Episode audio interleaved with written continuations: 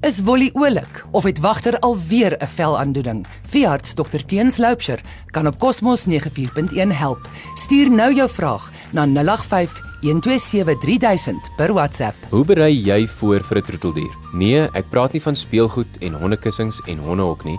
Ek praat van finansiëel. Ek is Dr Teens Loupsher van Windhoek Veterinary Clinic en vandag gesels ek oor die kostes van 'n nuwe hondjie of katjie. Die kostes is baie soortgelyk. Die verskil kom maar net op die grootte. Hoe groter die dier, hoe meer eet hy en hoe meer kos sy medisyne. Die eerste jaar van 'n hondjie se lewe is die duurste. Hy het vandat hy 6 weke oud is, elke 3 weke spuite, sy inentings nodig en dit kos enigiets van 400 tot 600 per keer. Hy kry spuite totdat hy 15 weke oud is. Dit is ten minste 4 keer so spuit met 'n koste van 1600 tot 2400 in totaal net vir sy spuite in die eerste 3 maande wat hy by jou is. As hy nie gespuit is nie, kan hy siektes kry soos katgriep, 'n siekte wat sy dood kan veroorsaak en miskien nog 'n rekening van 7000 daarby.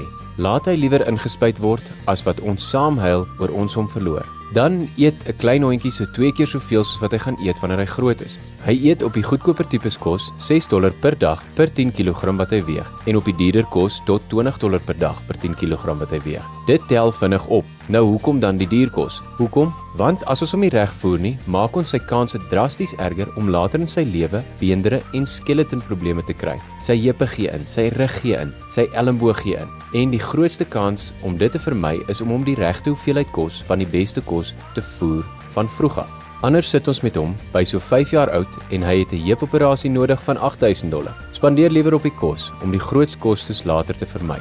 Omdat ons nog nie mediese versekerings vir troeteldiere in die land het nie, moet ons nou self vir mediese noodsake en onkoste voorberei. Voor ons by 'n berg van 'n rekening sit wat ons nie kan bekostig nie en dan die moeilike besluite moet neem wat ons kon vermy. Ek kyk na my begroting en ek probeer kyk hoeveel keer ek 200 dollar kan wegsit in 'n maand en ek sit daai geld in 'n koevert of 'n spesiale bankrekening. Dan, as ek net 200 dollar kan afknyp, kan ek myself toelaat om een troeteldier te hê. As ek kan 400 dollar spaar, dan kan ek twee troeteldiere hê. Uit hierdie spaarvarkie koop ek nie kos nie. Kos is nog bo op daardie koste. Daardie geld word gespaar net vir mediese onkoste. Ek gebruik daai geld vir pille en spuite en doktersfooie. As alles goed gaan, spaar ek 2400 dollar per jaar. Minus die 600 dollar vir die spuit, los ons met 1800 dollar per jaar as niks skeefloop nie. Ek spaar dan totdat ek 10000 dollar per troeteldier het voordat ek daai geldjie maar weer op 'n ander plek kan spandeer. Daai geld bly daar en bly beskikbaar net vir wagter se dokter. As wagter vroeg siek raak, het ek miskien nie genoeg om die hele rekening te dek nie, maar ek het darm iets om myself en wagter mee te help.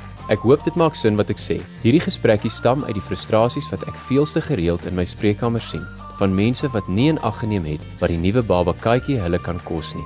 Of wanneer wagter uit die hek uit hardloop en iemand hom per ongeluk raak ry. Dit is nie sy verantwoordelikheid om vir daai rekening te betaal nie. Wagter het uit jou hek uitgekom terwyl hy agter grendel moes wees. Ai, dit is sleg en die pyn, die verwyte, die kwaad. Kom ons wees liewer vir onsself en vir wagter verantwoordelik. Kom gesels met ons by Windhoek Veterinary Clinic, langs die Amerikaanse ambassade, by nommer 8 Lassenstraat. Laat ons saam kan gereed wees. Tot volgende week. Hou aan glimlag. Daar sê, alles beter. Wolly jag alweer die voels rond en wagter mag weer op die bed slaap. Dankie dokter Teens.